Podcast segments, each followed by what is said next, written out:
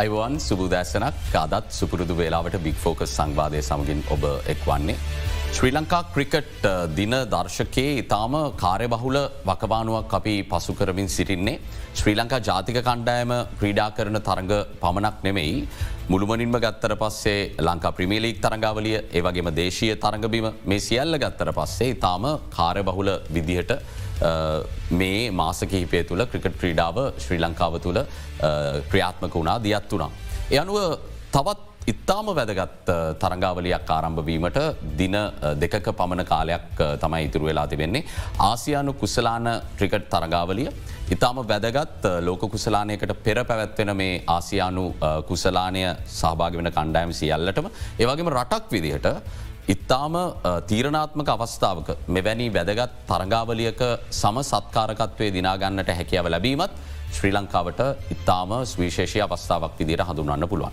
අපි බොහෝදේ කතා කරන්න අද බලාපොරොත්වෙන විශේෂෙන්ම මේ අවස්ථාව ශ්‍රී ලංකාවේ සංචාරක ආකර්ශණය ඉහළ නංවා ගැනීමට අපි කොහොමද යොදාගන්නේ. මේ තරගාවලී විතරක් නෙවේ අනාගතයේදීත් අපි කොහොමද ජාත්‍යන්තර සංචාරකින් මෙවැනි අවස්ථා ලංකාවට දිනා ගැනීමත් එක්ක සංචාරකින් වැඩි වශයෙන් ආකර්ශණය කරගන්නේ කියන කාරණාව ගැන අපිට කතා කරන්න පුළුවන්. ආසියනු ක්‍රිකට් තරගාවලේ තරගාවලි අධ්‍යක්ෂ රවීන් වික්‍රමරත්න මහත්මයට අපි ඇරයුම් කලා ශ්‍රී ලංකා ක්‍රිකට් උපසභාපත්තුමා අයිවාන් කියලබතුවා පිළිගන්න. ඒත් එක්කම ශ්‍රී ලංකාවට සංචාරකින් ගෙන්වන්නන්ගේ සංගමී සභාපති නිශාඩ් විජේතුන්ග මහත්මයටත් අප ඇරයුම් කලා ඔබතුමාවත් අයිවන් කියල පිළිගන්න. මුලින්ම රවින් වික්‍රමටත්න මහත්මය දැන් පකිස්ානය තමයි මූලික වශයෙන් ආසියනු කුසලානය පවත්වන්නට සැලසුම් කරල තිබුණේ. නමුත් ශ්‍රී ලංකාවට සමසත්කාරකත්වය දිනා ගැනීම දක්වා වෙච්ච කතාව අපි කතා කරලා ප්‍රවේශයක් ගත්තොත් හොඳයි කියලම විශ්වාස කරන. මෙම මෙතැන්දී මුලින්ම මේ පකිස්ාන් ඒකන පකිස්ාන් ක්‍රිකට බෝඩ්ඩිකට තමයි මේක සත්කාරකත්වය දෙන්න. නමුත් එතෙන්දී ඉන්දියාව කිව්ව ඉඳගෙන පකිස්ානය සංචාරය කරන්න බැහැ කියලා. මේක මාස ගානක් තිස්සේ ඇදීගෙන ඇදිගෙන අපපු කතාවක් එතකොට ඊට පස්ස පකිස්ානයක එවන අපි වර්ල් කප් එකට යන්නේ නෑ ඉන්දියාවට කියලා. ඒ පාර ඉදං කිව ඔගොල්ලොන්ට මොක් හරි යෝජනාවත් තියනවන්න ඔගොල්ල ඉදිරිපත් කරන්න අප ඒතකොට සලකා බලන්න කිය ආසියනු ක්‍රිකට් සම්මේල්න මොක ආසියනු ක්‍රිකට් සම්මේලනය සභාපතිවරය ඉන්නේ ඉන්දයානු ක්‍රිකට් පාලක මණ්ඩලේ ලේකම් ජේෂා. එතකොට ඔහු දංකව ඉදගෙන එමනම් මොකර සැල්සුමත් තිරන වෙන ප්‍රපෝසල්ල තින යෝජනාවත් දෙන්න තියෙනවන දෙන්න කිය. ඊට පස්සේ හයිබ්‍රිඩ් ක්‍රමයක් දාලා එකොල්ල බංගලාදේශය සහ පකිස්ානය අතර ඒ ඒ රටවල් දෙක අතර ගහන්න කැමැත්ත ප්‍රකාශ කර ඊට පස්සේ ඉන්දියාවකුව නෑ ඒ කරන්න බැහැ. අපිට මේකට මේ යෝජනාවට එකඟ වෙන්න බැහැ කියලා. ඔය අතර තමයි ශ්‍රී ලංකාව ක්‍රිකට පාලක මණ්ඩලය අපි ඇතුරත් එන්නේ ඉට පස්සේ අපි අපේ හස්තය දකු කර. ඉන්විටේෂන් එක බේසික දුන්න අපි. අපි ඒගොල්ලොන්ට කිව ඉඳගෙන ඔගොල් ලංකාවට එනවනම් අපි ෆැසිලිටේට කෙනෙක් හැටියට අපි මේ සියරුම දේවල් සත්කාරකත්වය දරන්නන් කියල. ඒ යෝජනාව ඉන්දියාව පිළිගත්. ඉන්දියාව පිළිගත්තට පස්සේ ඒකටත් අකමැත්තෙන් තමයි හිටිය. පකිස්ාන් බෝඩ් එක. හැබැයි අන්තිමට ඔවුන්ට සිදු වුණා කැමති වෙන්න. මොකද එහෙම නැති වුණනම් වෙන්නේ මේක ඩුබයි. හරි කොහරි රටකට අරංයන්න තමයි පකිස්ානු ක්‍රිකට බෝඩ් කල්පනා කරට ඇබ ඉන්දියාවේ තිබිච්ච මැදිහත්වීම මැත මත අපිට මේක ලංකාවට හම්බුණ ඉතින් අපි ආඩම්බර වෙන්න ඕන විශේෂයෙන්ම මොකද සත්කාරක දරණ රට. තරඟ පහක් වගේ ප්‍රමාණයක් තමයි සෙල්ලං කරන්නේ. අපි තරඟ නමයක් ලංකාව පවත්වනවා. දෙවනි වටේ සියලුම තරග පැවරම තරගහයකෝ. මෙතනති ඩුබායි සලකා බැලීම අසාර්ථකුණේ අපි සාමාන්‍යෙන් දකින පකිස්ානය උන්ගේ රටේ ක්‍රිකට ක්‍රීඩා නොකරන කාලසීම පුරාම ඩුබායි තමයි ඔන්ගේ හෝම් කන්ඩිෂන්ස් බවට පත් කරගත් ඇයි මේ වෙලාවේ අසාර්ථකුණ විශේෂයෙන්ම ඩුබයිවට පවතින දේශගුණික රටාවත් ඒවගේම තමයි අධික මිල ගණන් විශාල වශයෙන් මිලගන්දයන් අපි සාමාන්‍යයෙන් මෙහේදී මිලියනයකට කරන්න දේවල් ඒ එහෙම කරන්න බෑයිද හැම දෙයක්ම ඒක මිලා අධිකයි. ඉදි ඒක නිසා තමයි මහිතන්නේ පකිස්ානුවන් කැමතිවුණේ විශ අනිත්තක තමයි ඉන්දියාවේ පැවැත්තෙන්නේ වර්ල් කප් එක ලෝකුසරාණය එතකොට ඔවුන්ට හොඳ පෙරහුරුවක් වෙනවා විශ මේ ලංකාවේ තන තීරුවල ක්‍රීඩා කිරීම. හොදයි අපිට ක්‍රිකට ක්‍රීඩාව අංශයෙන් බොහෝදේ කතා කරන්නට තිබෙනවා. ආසියනු කුසලානය ගැන වගේම ඉදිරියට ශ්‍රී ලංකාවේ පැවැත්වෙන් නියමිත තරගාවලි ගණනාවක් ගැන අපිට තොරතුරු විමසන්න හැකියාව තිබේවී ම යොමුුවන්නේ ශ්‍රී ලංකාවට සංචාරකින් ගෙන්වන්නන්ගේ සංගමේ සභහපති නිශාඩ් විජේතුන්ග මහත්මයට. අපි තාම අපහසු කාලසීමාවක් පසුකරේ පාස්කු ප්‍රහාරයේ දන් පටන් ගත්තම ඉන් පසුව වසංගතය. ඉන් පසුව කලාපේ අනෙකුත් රටවල් නැවත සංචාර්ක කර්මාන්තය පැත්තෙන් හිස ඔසවද්දී අපිට ආර්ථික අර්බුදයකට මුහුණ දෙන්න සිදුවන සංචාර්කින් ගෙන්වා ගන්න සුදුසු වාතාවරණයක් නෙමේ තිබේ. නමුත් දැන් පිබි දෙනවා පෙනෙන්න්නට තිබෙනවා. නමුත් ප්‍රශ්නය දෙදස් දහනමේ තිබුණු දත්ත අරම් බැලුම දෙදස් දහට අපේ හොඳම වරුද්ධ අරම් බැලුවට පස්සේ අපට තාම එතන්ට යන්න හැකියාව ලැබිල නෑ නමුත් මාලදිවෙන වගේ රටවල් ගත්තර පස්සේ මේ පූර්ුව වසංගත තත්ත්වයක් තික්මවා උන්දැන් යළි තමන්ගේ තත්වය වැඩිකරගෙන තියෙන අපිට තියෙන ප්‍රශ්නයමකක්ද. ඇත්තටම මෙහෙමයි. දැන් දෙදස් දහටේ මේ නම්බසල්ට යන්ඩ සරි ඉස්සලම මාලදිවේනයි ශ්‍රී ලංකාය ගත්තම ඒක ලොකු වෙනසත් තියෙනවා. මාකට් එක කියන්නේ ඩෙස්ටිනේෂන් එක. මාලදිවේන කියන්නේ එක අයිලන්ඩ එක එක රිසෝට්ටක් එතන බීච් විතරයි තියෙන මෙහෙ ලංකාවේ සම්පූර්ණයෙන් වෙනස්. නමුත් අපිට සිද්ධ වනේ අර ඇත්තෙම්ම මේ වසංගතයෙන් පස්සේ දෙදස් විසි දෙකේ ඔක්ටෝබ නොයම්බ වෙනකොට මේ පිකප් මේ රයිවල්ස් වැඩිවෙන්න පටන් ගත්තා. නමුත් ඒක සම්පූර්ණයම කඩාගෙන වැටුණා ආය මාර්තු මාසේ අප්‍රේල් මාස වෙනකොට ආර්ථික අර්බුදය නිසා. ඉතින් ඒ වගේම ඒ කාලය තුළදී දිගටම මේ ලෝක ප්‍රජාවට ගිය මෙසේජ්ජක තමයි ලංකාවේ කෑම නෑ ලංකාවේ බෙහෙත් නෑ ලංකාවේ ලංකාවටල් නෑ කරුවරලයි තෙල් නෑ අරකයි මේ කියල. නමුත් අපි දන්නවා ලංකාවට සංචනය ගෙන්න්නවන් හැටියට අපි දන්නවා අපි කෝමද ගියවුරුද්ධ කෝමරි ෆෙබ්‍රවරි මාච් කාලෙ තමයි ඔය මේ ෆුවල් පෙටරල් ඩීසල් හිඟ පටන් ගත්තේ. නමුත් අපි කෝමරිය එක බැලන්ස් කල්ලා මේ රජය පැත්තෙන්ුත් මේ සිරඟ සංචාරක අධිකාරය දව් ඇතුව අර කිවර් කෝඩ් මේවා කරගෙන අපි කොහොමරි ඒක බැලන්ස් කරගෙන මේ ගෙනනිච්චා නමුත් ඊට පස්සේ අරහර හුඟක් නෙගටව් ඉමේජ් එකක් ලෝකෙට ගිහිල්ල තිබුණ නිසා ඒක කඩාගෙන වැටන අප්‍රල් මාසයෙන් පස්සේ සම්පූර්ණයම වගේ කඩාගෙන වැටන. ඉතිං ඇත්තටම අපි තාම ඒ ඒ ඉමේජ්ජක වෙනස් කරන්න අපි ගොඩාක් මේ ප්‍රවර්ධන අධිකාරයයි මේ ඔක්කොම එකතු වෙලා දිගටම වැඩකරේ ඒකට. ගිය අවුරුද්ධ ජූනි ජූලි මාසයඉඳලා මේ ප්‍රවර්ධන අධිකාරයට ඇමතිතුමාලා ඔක්කොම අලුතෙන් පත්වෙලා ඒ කාර්ය තමයි දිගටම කරගෙන නාවේ. ඉතින් මංහිතන්නේ දැන් ගොඩක්තු ඉතින් ඒක නිසා ඒ වගේ ප්‍රශ්නකට මාලදිවෙන වගේ රටවල් මූුණ දුන්නේ නෑ ඉති ඒක නිසා ඒගොලන්ට බොහොම ඒ අර අවුරුද්දක් ඇත වගේ කාලයක් ඇතුළද ඒගොලන්ටර ප්‍රීකෝවිල් ලෙවල්සල්ට යන්න පුළුවන් වෙලා තියෙන නමුත් අපිට අපි දැන් ඇත්තටම ජනවාරි මාසේ ටාගට් කරේ ටාගට් කරගෙන පටන්ගත්තේ වන් මිලියන් ටුවරිස්ල වගේ ලංකාවට මේ අවුද්ධ ගේන්න. නමුත් මාස තුන හතරක් යද්දි අපිට තේරුණා මේ තත්වේ වෙනස්වේගෙන එන්නේ ඒක නිසා ඒක 1.5 මිලියන් වලට ගිහිලා දැන්වන් හිතන්නේ මේ අපේ සංචාර ප්‍රවාධනාධිකාරයේ සභාපතිතුමා දැන් ඒ ටාගට් එක 2 මිලියන් වෙනකම් ගෙනියල තියෙන ඉතින් ඇත්තටම අපි හිටපු තැන ඉඳලා ගියවුරුත්තේ අපි මේ ගවුද මේ කාල හිටපු තැනිදර දැන්වෙනකම් බලන්නකොට මහිතන හුඟක් ප්‍රෝග්‍රෙසයක් වෙලා තියෙනවා. ඉතින් අපි ගොඩක්ම අපිට ලොකුම චැලෙන්චක තිබ්බේ මේ ලෝකයේ තියෙන මේමක ඒගොලන් ලංකාව ගැන තියෙන අදහස වෙනස් කරන එක. ඉතින් මහිතන්නේ ගොඩක් දුරට ඒක වෙලා තියෙනවා. දැන් ලංකාවට සංචානය ගෙන්න්නන්ගේ ආයතන හැටියට අපිට පේනවා ට්‍රඩිෂනල් වින්ට සීසන පටගන්න නොවම්බ ඉදලා අපිට පේන නොවම්බ ඉදලා බුකින්ස් දැන් එනවා. කියන්න නොවම්බෙන් නොවම්බ වලින් එහට සාමාන්‍යයෙන් හොඳ තත්වයක් එනවා කියල පෙන ඒ කියන්නේ ඒ රටවල්ල ගොඩක් දුරට මේ මේමයික වෙනස්සලා තියෙන හොඳ අපි තවතුරටත් කතා කරම සාහශ විදිරට අදදි රවින් වික්‍රමත්මත්ම දැන් ශ්‍රී ලංකා ක්‍රිකට් කියන්නේ ලංකාව ලෝකමට්ට මේ නියෝජනය කරන ප්‍රමුඛතම සන්නාමයක්. තේ අපිට කතා කරන්න පුළුවන් ඊට පස්සේ ශ්‍රී ලංකා ක්‍රිකට් කියන සන්නාමය ශ්‍රී ලංකාව කියන රට ලෝකෙට අරංගිය. තැන් මේ අවසාය මෙතුම මේ කතා කරන ශ්‍රී ලංකාව ගැන තිබෙන මේ චිත්‍රය ජාත්‍යන්ත්‍ර තලයේ වෙනස් කරන්න ශ්‍රී ලංකා ක්‍රිකට් වෙත තියෙන ශක්්‍යතාවය කොමද හඳුනගෙන ති අපි දැක් ලංකා ප්‍රමියලික් තරගාවලිය ඉතාම සාර්ථක වුණා විදේශීය ප්‍රේක්ෂකනුත් ගණනාවක් ඇවිල්ල හිටිය දැන් මේ වෙලා ශ්‍රී ලංකා ක්‍රිකට් ආයතනය කොහොමද ක්‍රිකට් ආයතනය තියෙන හැකියාව අඳුනගෙනදී. මෙහෙමයි මම දකින විදිය මේකේ විශේෂයෙන්ම අපිට කරන්න පුළුවන් දේ තමයි සියලුම රටවල්වලට ඔවුන්ට අවශ්‍යනං ඒ පහසුකම් සල්සන්න අපි එතන ඉන්න. එකන අපිට හැකියාවත් තියනවා ශ්‍රී ලංකා ක්‍රිකට ආයතන හැටියට. විශේෂයෙන්ම මෑතදී මෙමයි තන්නේ පෙරේද ඉවර වෙච්ච පකිස්ානු ඇෆගනිස්ථානය මීට කදිම උදාහරණය.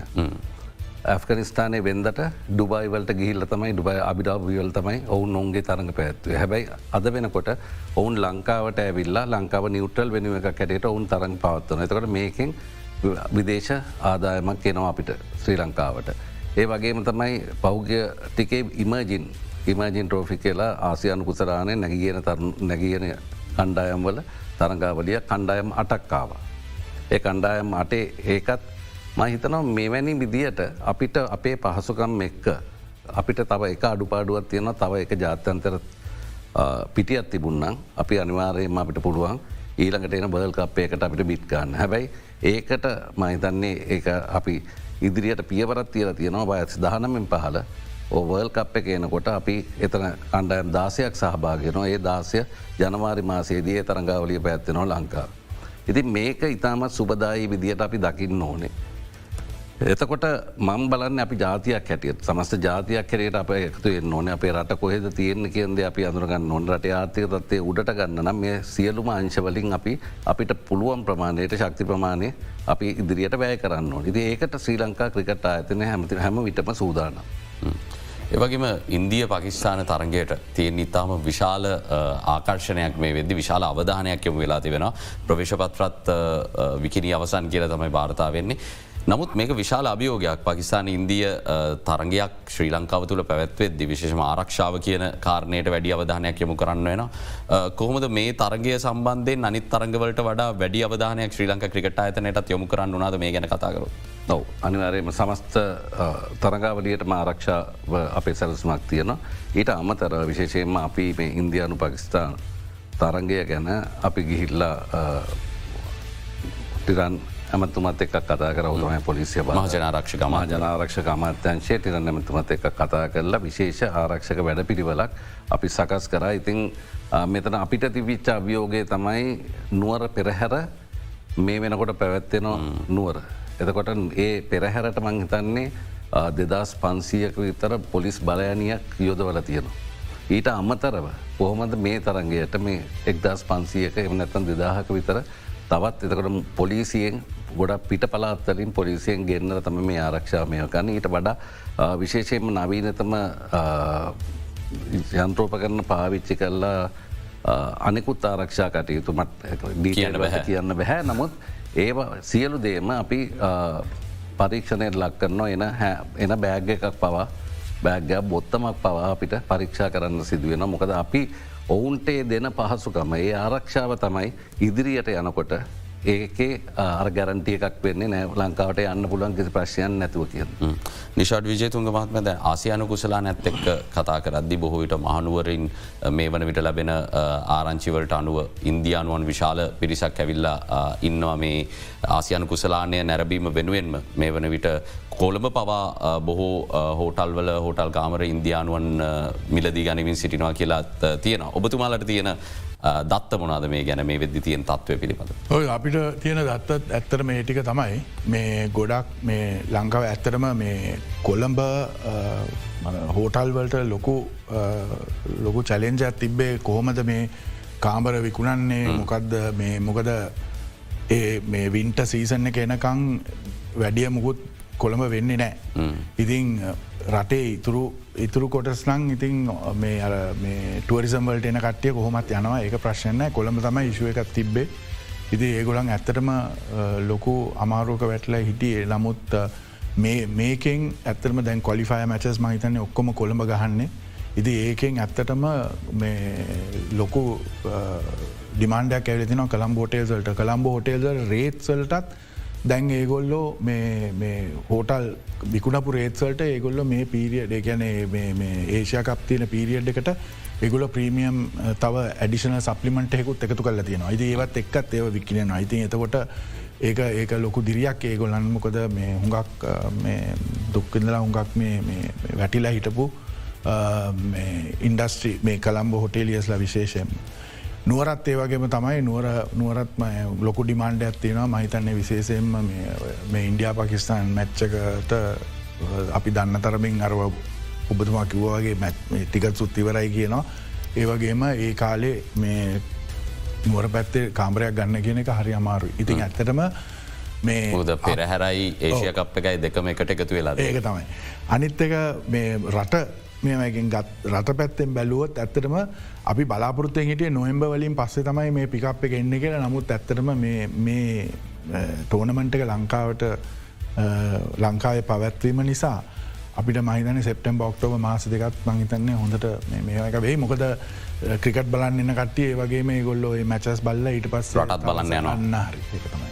ඒක පැත්තක් අනිත් පැත්ත තමයි අරමං ඉස්සල්ල කිව්ව වගේ ලෝකේ මේ ලෝකය ලංකාව ගැන තිබුණ චිත්‍රය ඔබතුමාගවගේ චිත්‍රය බැලුවොත් ඒකෙත් ලොකු වෙනස්වීම් වගේයක් වෙන්න පුළුවන් මොකද පලේස්ලා එනවා ෆෑන්ස් ලයින ඒගොල ඔක්කොම ඇල තොට ඒගොල්ලන්ටම තේරෙනවා ඇතරම ලංකායි ප්‍රශ්යන් නැහැ කියලෙවුනට එහෙම අන්න පුළුවන් කිසි ප්‍රශ්නයන් නෑ කෑම්බීම හිඟයක් නැතුව තියෙනවා ට්‍රන්ස්පෝට් තියනවත් ෆුවල් තියෙන ඉති ඒ ඒ මෙසේජ්ජකත් සෝසල් මීඩියා මාර්ගයෙන් අරමෙන් ඔක්කොම පිටතර යනවා විශේෂයෙන්ම මේ අපිට දැනට අපේ ලොකුම නොම්බර එක මාකටක තියෙන ඉන්දියාව. ඉතින් ක්‍රිකට් වගේ දෙයක් ගත්තම මොනවුනත් සාක්‍රටවල් වලින් මේ හොඳ කරව් පුල එකක් ඒ ගැන්න මේ හොඳට මිනිස්සු පිළිගත්ත දෙයක්. ඉදි ඒක නිසා ඇත්තටම ඒ වගේ දෙයක් මේ මාසේ කරන්න ලැබුණ එක මහිතන්නේ ලංකාවට ලොකු අපේ ටුවරිසම් ඉන්ඩස්්‍රයකටත් එක්කම ලොකු දිරියක් වෙනවා ඉදිරියට යන්න.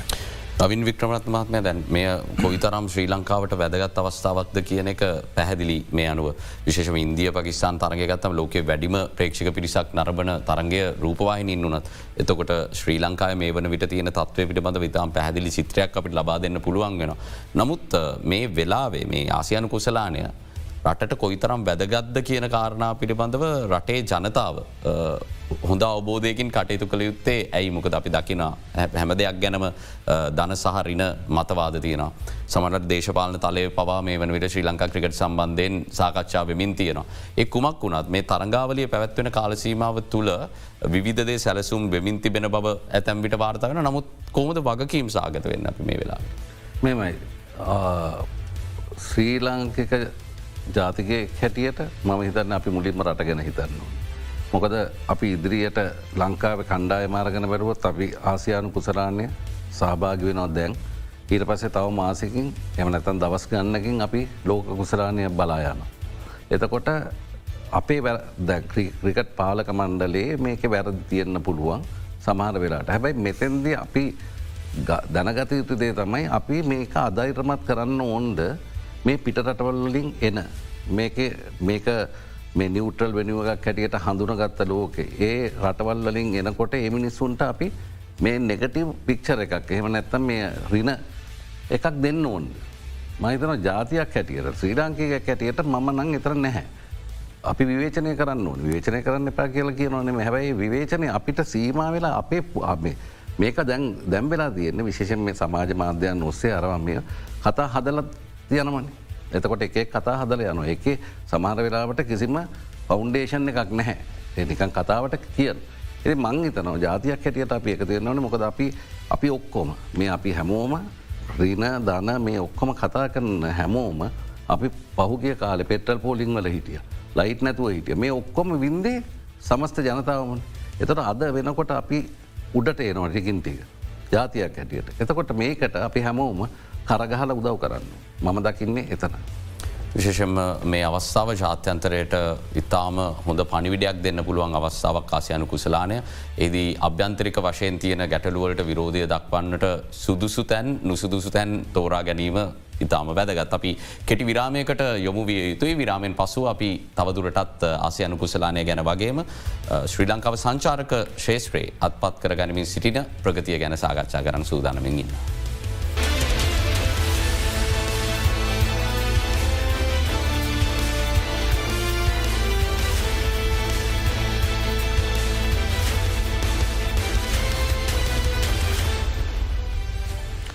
ඔයාලෙත් බික් ෆෝකස් සමගින් ආසියානු කුසලාන ක්‍රිකට් තරංගාවලියට තියෙන සූදානම ඒ වගේම ශ්‍රී ලංකාවට මේ තරංගාවලිය කොයිතරම් වැදගත්ද කියන කාරණා පිළිබඳ අපි සාකච්ඡා කරමින් සිරිනවා රබින් වික්‍රමරත්න මහත්මයා ආසියානු ක්‍රිකට් කවන්සිලය තමයි මේ තරගාවලිය ප්‍රධාන සංවිධායකයා සහ ඒ කටයුතු බලන ආයතනය බවට පත්වෙන්නේ.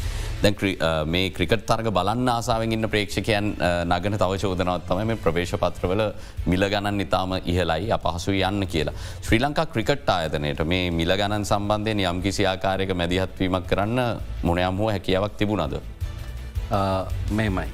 ඒක පකිස්ානු ක්‍රිකට් බෝඩ් එක තමයි PCB එක තමයි මේ ක්‍රිකට් ගැන ටිකට් ගැන සම්පූර්ණයෙන්ම තීරණ ගත්තේ.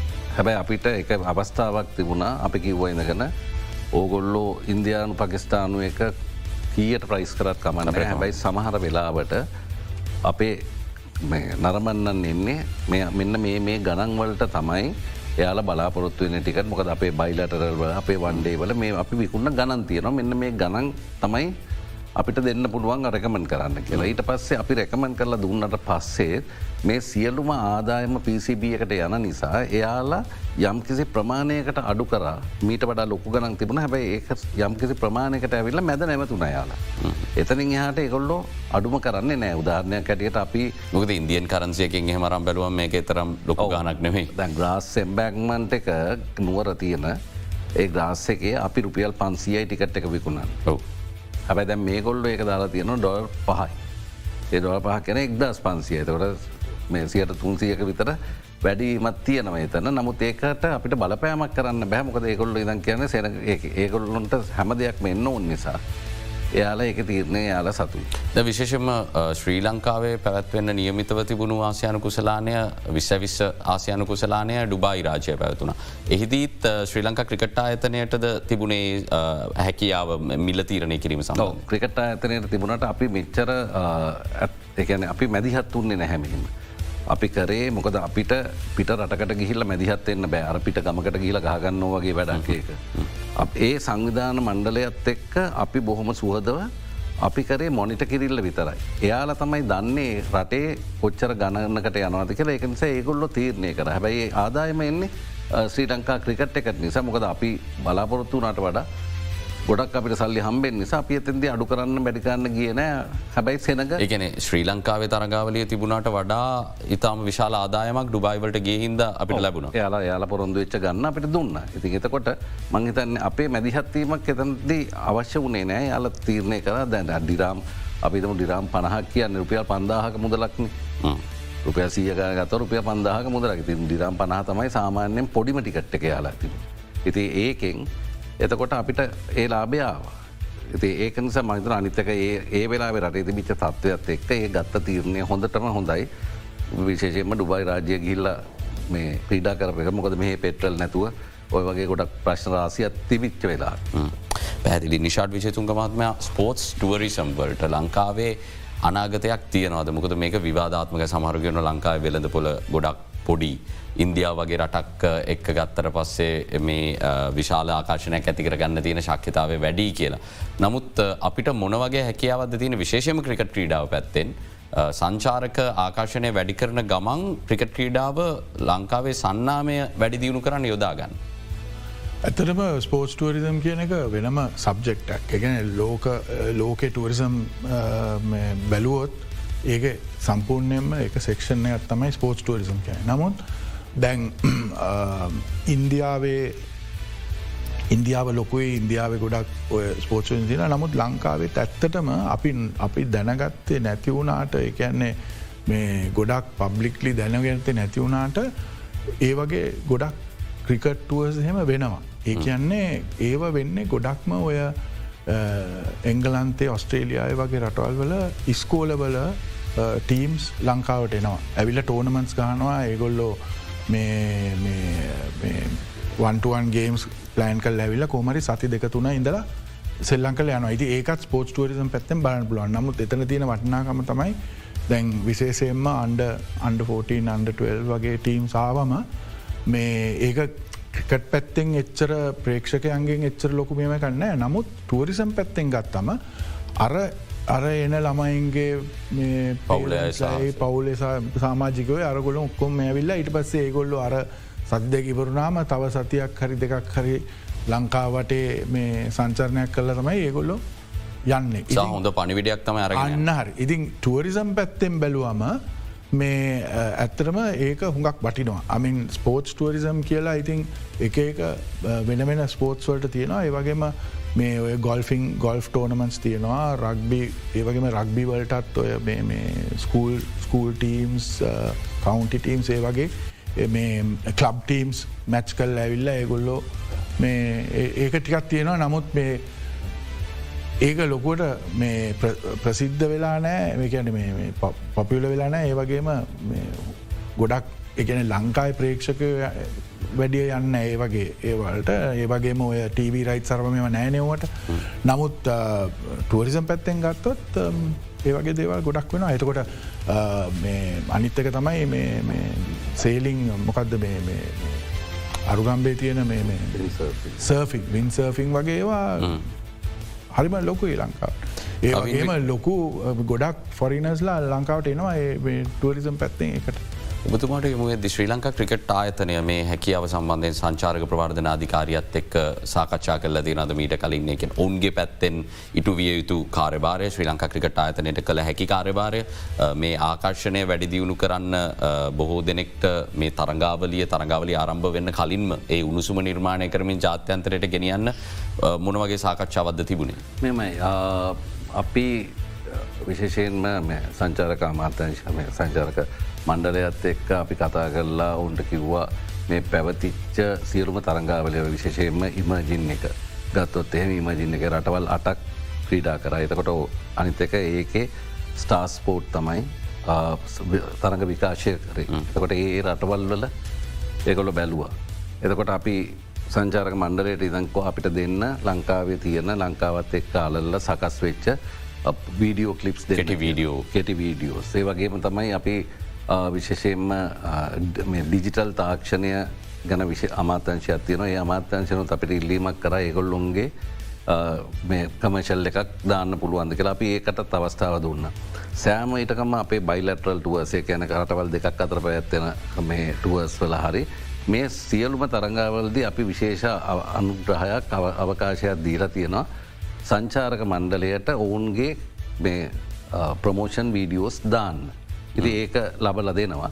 ඒ අරෙන්න මේ නිශාට් කිව්ව වගේ මෙතැන්දී අපි නොදකින පැත්ත තමයි නොදකින පැත්ත කියන්නේ අපිට ඒක සංගම් හැටියට ක්‍රියාත්මක වෙන්නට බැහැ හැබැ මේ ස්පෝර්ට්ස් ටුවරිසම් කියන එක ගොඩාක් දැන් අවුරුදු ගන්නත් තිස්ස පැත්තෙන විශෂෙන්ම ගිය පෙබරවාරිවල මෙල්බන්නව බ්‍රිස්බේන් රිඳර එකසේ හැට දෙනෙක්කාව කණ්ඩායම් තුනක් කරගෙන කණ්ඩායම් තුනයි පොඩියගොල් අන්ඩ 15 ඒගොල අන්ඩ 17 අන්ඩ 19 ඔුන්ගේ දෙමවපියෝයි ඇවිල්ල මේ කොළඹ හෝටලේක හිටිය. ඊට පස්සේ ද සුමාන තුනක් විතර ඔවුන් එහ මේ සංචාරය කරලා මැච සුද්ගාල ඒවිද. ඒ විදියට මේක රට පුරා දිගින් එක එක්ක අය තමයි මේක මෙහමන්නේ හැබැයි ක්‍රියාත්මක වෙන මේක. මේකෙනු සල්ලි ලංකාවට එනවා. ඒකට අපිට අපිට පාලනයක් ගන්න බැහැ මොකද අපි අපිත් එක්කර ඉස්ට වෙලා නැතිනිසා අපිට එක් කරන්න බෑ නමුත් රටට ආදායම ඩිරෙක් හෝ ඉන්ඩිරෙක් මේ දෙකෙන් එනවා. පැදිි නිශාඩ් විජතුන්ග මාත්මය දත්ත ගැන කතා කරද මේ වෙද්දි ඉන්දියාව තමයි අපේ ලොකුම් වෙළඳ පොල කියලා කිව්වා. අනිකුත් රටවල් ගැන අප අවධානය යොමුකරොත් මේ වෙදි ලංකාට වැඩිම සංචාරකින් පැමිණිමෙන් සිට රටවල් ගැන කතා කරද්දි. ඉන්දියාව තමයි නම්බපන් ඒ වගේම මේ රුසියාවෙන්ගුත් සෑහෙන පිරිසක් එනවා. ඒ වගේම මහාබ්‍රිතාන්‍ය චීනය දැනට නැහැ.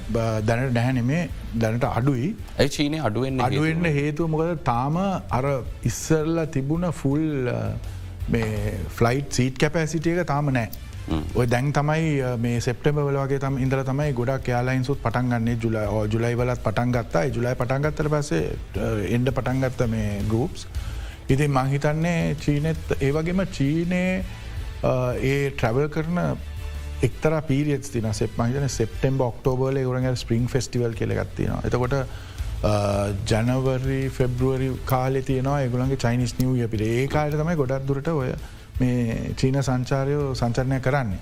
ඉතින් ඒ මේ දැන් මං හිතනවා දැන් අපේ මේ බලාපොරොත්තු වෙන දැන් අපේ එයා කැපෑසිටිය එක දියුණුවනා මේ ආපහු පරණ තත්වට යයි මේ ඊළඟ මාස දෙක එක දෙක අතරල තිම බලාපොරත්වෙන ගොඩක් දුරට මාස දෙක ඇතුළෙත් ඒක වෙයි කියලා. ඒ වගේම පෙරදික රටවල් ගත්තොත් ඒ කියන්නේ මේ මහ බ්‍රතාන්යයි යුරෝපිය කලාපේ රටවල් ගත්තොත් ඒගොල්ලන්ගේ ඒගොලන් තම ඒගොලන්ගේ ට්‍රව පිට ගොඩ දුරට පටන්ගන්නේ නොෙම්බ ඩිසම්බ කාල. වින්ට එක. වින්ට එක හින්දා. ඒක අප්ටුව බවට ඒප්‍රිල් මේ යනවා. ඉතින් ඒ බුකින් අපිට දැන් පේනවා හොඳට. මේ අපිට අපේ මෙම්බශිප්ය ගත්තම ඒගොලන්ගේ කම්පනිසල බුකින් සෙනවා ඒක පිකප්වේගෙන එන්නේ. ඉතින් අපි බලාපොරත්තු වෙන හොඳ වින්ට එකත්තේ කියලා මේ ලංකාවට. විශේෂ මේ රුසියානු යුක්්‍රණ යුද්ධත් එක් බලශක්තිමිල ගණන් ඉහල ගීල තින යුරෝපය ගොඩක් ශීත කාලයේදී ඔවුන්ට මේ ඇවිල සංචාරය කරන එක ලාබයි ලාබයි සුම් කරගන්නට වඩා ඒ ප්‍රශ්නත් තියෙනවා හැබැයි ඒවගේම ඒ ප්‍රශ්න නිසා සමල්ලාට ඒගොලන්ගේ ඒගොලංමුත් ආර්ථික වශයෙන් පොඩ්ඩක් මේ උද්ධමනයකට මුණ දීල දමනයකට මුණදිල ඉන්න එක ඒක හුඟක් උග්‍ර වෙලා නෑ එකින්ද අපි බලාපොරොත්වන මේක වෙයි කියලා. ඉතින් ඕ ඉතින් අපි හිතන්නේ දැන් විශේෂයෙන්ම ඉස්සර ගත්තොත් ඒගැන්නේ අපේ ට්‍රඩිෂනල් මාකටස් ගත්තොත් ඔක්කොම වෙස්ටන් යුරපියන් මාකටස් තමයි තිබ්බේ. චයින ඉන්ඩියා වගේ මාකටස් අලුතෙන් ආපයවා ඉතින් ඇත්තරම ඒවා ඒ කාලේ අපිට ටුවරිසම් හැටියට තිබ්බේ අවුරුද්ධට මා සහයයි. ඉගැන්නේ නොෙම්බට ඒප්‍රික් ඊට පස්සේ ආයේ නයා ජුලයි ඕගස්සල පොඩ්ඩක් එනවා. නමුත් දැන් වෙන්නේ මේ චීනයි වගේ ඉන්ඩියා වගේ මාකත් සිින්දා මේ අවුරුද්ධ පුරාම අපිට රයිබස් තියනවා ඇති ඒකෙන් අපේ අපේ නම්බස්තියක් දයිදස් දහටේ වනෙත් එහෙම ඒක තමයි දෙ දාට අපි ලොකුම මේ මොර්ගන් ඩොල බිලියන හතර දශම් පහක් පමණ. මෙවර මිලියන දෙකක සංචාරක අපේක්ෂාවක් තියෙනවා. ඒ මිලියන දෙක ආවොත් අපේක්ෂිත විදියට. කොපමන පාර්ෂික ආදායමක් දල වශයෙන් අපි කතා කරද්දි අත්පත් කරගැන පුළුවන් වේද විජ? සාමාන්‍යයෙන් සංචාර ප්‍රවාධනාධිකාරයේ දත්ත හැටියට ඇවරේජ් ටුවරිස් කෙනෙක් ලංකාවන්න ඇවරේජ් දවස් දායයි. ඒ දත්තවල තියෙනවා ඩොලර් එකසිය අසූ ගානක් ඒකොට දවසකට වියදන් කරනවා කියලා. ඉති ඒ වගේ ඒකෙන් කැල්කුලෙට් කරගන්න පුළුවන් සාමාන්‍යයෙන් ටූමිලිය නාවත් මොනවගේ මේ නමුත් මං හිතන හැටියට දැනට ඒ ගණන් තිබ්බනේ දෙදස් දහටේ නම්බර්සල හැටියට. මැත දැන් ඒක තව චුට්ටක් අඩුවෙලා තියේ නමුත් අපි දැන් ගොඩක් ක්‍රියාත්මක වෙන්න පුළුවන් තරන් ඉදිරියට මේ ඒ ඇවරේජ් පෙන්ඩ එක වැඩි කරගන්න. ඉති මේ වගේ දේවල් දැ මොන වනත් දැන් දැන් කොළඹ හොටලයක රේට්ටක් ගත්තොත් දැ මේ වගේ දෙයක් මේ ඒෂය කප් වගේ කාලක එක පාටම කව් ගෙනට ඒගොල්ල ඒකට සප්ලිමෙන්ටක් ගඩ් කරන කියන අනිවාරය මේ ඇවරේජ් පෙන්ඩ වැඩිවෙන වැඩිවෙන. ඉතින් අපි අපි ඇත්තරම මේ ටුවරිසම් පැත්තෙන් ලෙෂ ටුවරිසම් කියන එක ගත්තොත් රට රටේ රට විකුණන් එච්චන හුඟක්ම අමාරුව නෑ මොකද අපිට වයිල් ලයි් තියෙනවා අපිට සීනරි තියෙනවා අපිට බීචස් තියෙන ඒ ඔක්කොම තියෙනවා. නමුත් අර කළම්බ සිටිය එකක් හැටියට මේ මාකට් කරන්න ක්‍රීඩා ඕනේ. මොගක්හරි කොනෝදස්වාද අන්නේ වගේ දේවල් කොළඹ ඇතුළේ ප්‍රමෝට් කරන්න ඕනේ. ඉතින් මේ මහිතන්නේ ගොඩක් දුරට මේ සංචාරක කැන ප්‍රමෝෂන් බිවරෝයකෙන් උත්තේ ගොල්ල ඒක අදාගෙන ඒක වැටහලා තින ඒ ගොලත් ඒක ප්ලෑන්යක් කරගෙන යනවා. මහිතන්නේ ඉවෙන්ස් කලන්ඩරයක් වගේ තිබුණත් එතකොට කොළඹටත් ඒක කොළඹත් මාකට් කරන ලේසි වෙන. වික්‍රමරත්නමාත්මය දැන් ඉමර්ජිං ඒෂය කප් එක දැන් ගත්තර පස්සේ දිගටම ඉතාම කාර්යබහුලයි ලංකාවේ ක්‍රීඩාංගන තනතීරු uh, අපි දැක්කා ඉමර්ජිං කපයෙන් uh, පස්සේ පකිස්ාන්නාව ඊට පස්සේ පකිස්ාන් සීරිස ඉවරවෙද්දිම එල්පල් එක ක්‍රීඩා කර එල්පල් එක ඉවරුණට පස්සේ හම්බන්තොට ගැහවා ඇෆ්ගනිස්ාන් පකිස්ාන් තරගාවලිය දැන් ඒෂය කප් එක. කොහොමද මේ වගේ අභියෝගාත්ම කාලසීමක මේ තනතීරු නඩත්තුව ඒ වගේම තනතීරු සූදානම් කිරීම වගේ දේවල්වට අවධානයම වෙලාතිී. මෙමයි මේ අමාරු වැඩක් මේක.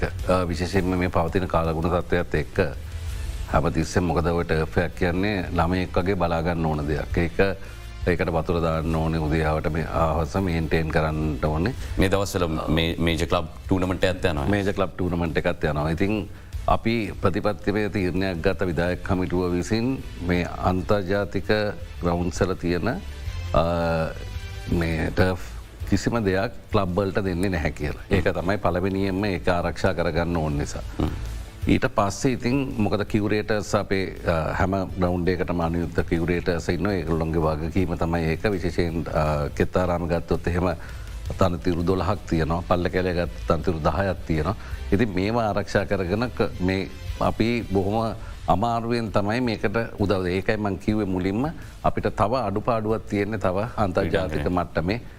ක්‍රීඩාංගනයක අඩුපාඩුවත් තියෙනවා ද එල්පල් තරගවලි අතරතුරදිත් ආසියානු කුසලානය ඉලක්ක කර ගනිවින් අපි යම්කිසි ආකාරක තනතීරු පරිස්සං කිරීමක් කලා දමකද එල්පල් එක අවසානයද ක්‍රීඩකයවුන්ගෙන් පව සමට තිබුණ මේ තනතීරුවල මහන්සිය වැඩීමේ වෙද්දී උගක් මන්දගමි වෙලා තියෙනවා කියලා. ඒ අනාගතය දිහා බලන්නත් සිද්ධ වනා දෙහිදිය ආනිමාරයම මොකද අපි විශේෂයෙන්ම ද එල්පල් එකත් වැදගත් තරගාවලිය හැබැ ආසියානු කුසලානය කියන්නේ රටවල් අතර ක්‍රීඩා කරන තරගාවලියක්. ඒක නිසා අපි යම් කිසි විදිියකට ඉතිරි කර ගැනීමක් සිද්ධ වුණා විශෂයෙන්ම මේ මැද් තනතීරුවල යම් යම් ප්‍රමාණය. හොදයි කෙටි විරාමයක් ලබා දෙන විරාමය අනතුරුව යලිත් එක්වනින් හම.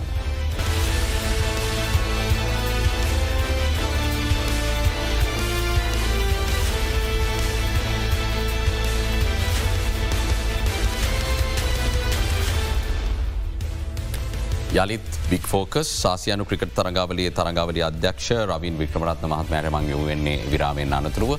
ප්‍රවේශපත්‍ර ගැන අපි කතා කලොත් කොහොඳ ප්‍රවේශපත්‍ර මිලදී ගන්න හැකියාවක් තියෙන්නේ? ඔන්ලයින් වගේම භෞතික වශයෙන් ගිහිල්ල මිලදී ගන්න ස්ථාන තියෙන අපි මේ ගැන කතා කරු. ඔන්ලයින් වලින් දිගටම තරගවලිය පාත්තන් තාකල් ගන්න පුළුවන්. ඒ හැකියාව තියෙනවා. ඒ වගේම හෙට දිනය තුලදී නුවර අභීත ක්‍රීඩාංගරය කියර ක්‍රීඩාංගනයක් තියෙනවා. ඒකේදී කවුන්ටර එකක් පිටුවන කවුන්ටර ඒ කවුන්ටර එක නුත්තිකට ගන්න පුළන් ඒවගේම එස්සල්සිය නත ශ්‍රී ලංකා ක්‍රිකට් එක එස්සසි ක්‍රඩාංගනය කවුන්ටරයක් පිහිටුවනවා. එතන තියෙනවා. ඒවගේම තමයි නුවර සිටි සෙන්ටර් එකෙත් අදහස් කරගෙන න්න කවුන්ටරයක් පිහිටුවන්න. අවශ්‍ය ප්‍රවේශ පත්ත ලබාගන්න. ඒ වගේම දැන් පකිස්ානය සහ ශ්‍රී ලංකාවේ කියන රටවල් දෙකේම මුල්වටේ තරඟ ක්‍රියාත්මක වෙනවා තුට බොහෝ කණ්ඩෑම්වලට රටවල් දෙකක සංචාරය කරන්න ශ්‍රී ලංකා කණ්ඩෑමට පකිස්ාන කණ්ඩෑමට බංලදේශ කණ්ඩෑමට වගේ. ඒ ඒ ඒ අත්දැකීම මේ වෙලා කොයි තරම් අභියෝගයක්ද විශේෂම ක්‍රීඩකැන්ගේ පැත්තෙක් ගත්ත වගේම මේ තරගවලිය සංවිධාන කරන්න. මෙහෙමයි දැන් ඒකෙදී අපි ද මච්චක ඉවර වුණු ගාම ඊට පස්සේ ඔවුන්ට පලවෙනි ෆ්ලයිට් එක යන්න එතකොට එහෙම ෆ්ලයිට්ස් නැතිවෙන්න පුළුවන්. එතකොට කරේ අපි චාට කර ශ්‍රී ලංකා ගුවන් සේවයට කතා කරලා අපි ගුවන් යාන චාට කරලා තමයි ක්‍රීඩකින් යන්නේ. ක්‍රීඩකින් ඊට පස්සේ ඔවුන්ගේ මැච්චක ඉවර වෙච්චකම පකිස්ානය පැත්තෙන ඔවුන් එන්නෙත් චාට ෆ්ලයිට් සලේ එම මුල්වට පමණ ඊට පස ශ්‍රී ලංකාව ශ්‍රී ලංකාවේ හයක් පැත්වෙනවා සුපෆෝයකි.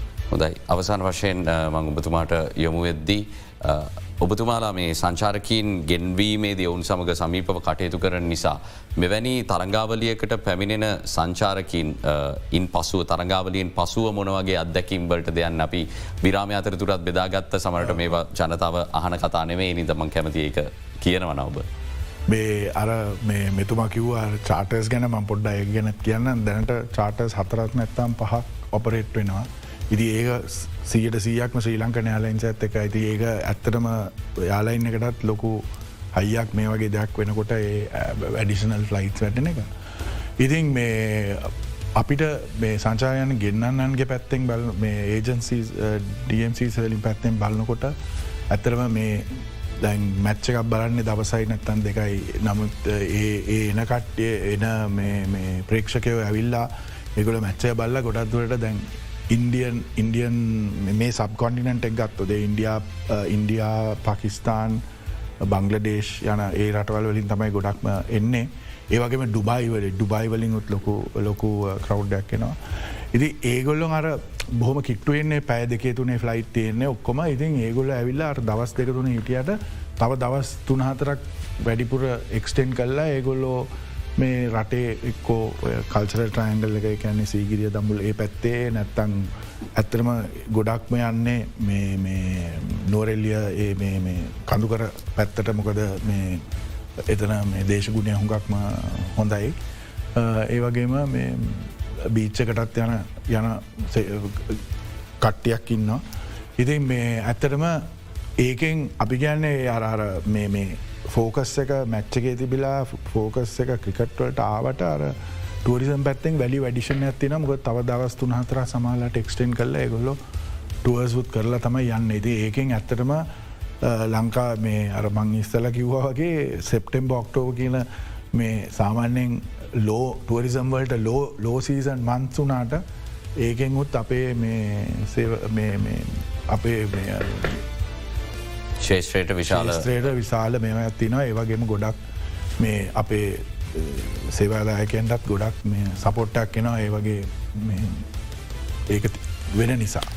හොඳයි. අද අපි කතා කළේ ආසියානු කුස්සලාන තරංගාවලිය පිළිබඳව සහ රටක් විදියට මේ වෙලාව මේ තරංගාවලිය අපිට කොයි තරම් වැදගත්ද. විශේෂම ක්‍රිකට් ක්‍රීඩාවට බොහෝසෙයින් ආදරය කරන රටක් විදියට ක්‍රිකට් ක්‍රීඩාව යලි ජාත්‍යන්තර ක්‍රිකට ක්‍රීඩාව යලි ශ්‍රී ලංකාවට එද්දී තියෙන සතුටට අමතරව මේ වේලාවේ රට අර්බුධකාරී වාතාවරණයක ඉදිද්දී ලෝකයට රටේ සන්නාමය ඉතාම ධනාත්මක විදියට ගෙනියන්න මේ තරංගාවලිය කොයි තරම් වැදගත්ද කියන කාරණාවට පැහැදිලිවෙන්න නැති මේ සංවාධය අතරතුර. බෙහිවින්ම ස්තුතියන්ත යන තරගාවලි අධ්‍යක්ෂ රවින් වික්‍රමරත්න මහත්මයට. ඉතාම කාරය බහුල අවස්ථාවක සහභාග වුණට. එත් එක්කම ශ්‍රී ලංකාවට සංචාරකින් ගෙන්වන්නන්ගේ සංගමේ සභාපති නිශාඩ් විජේතුන්ග මහත්මයටත් බෙහිවින්ම සූතියන්තයනවා.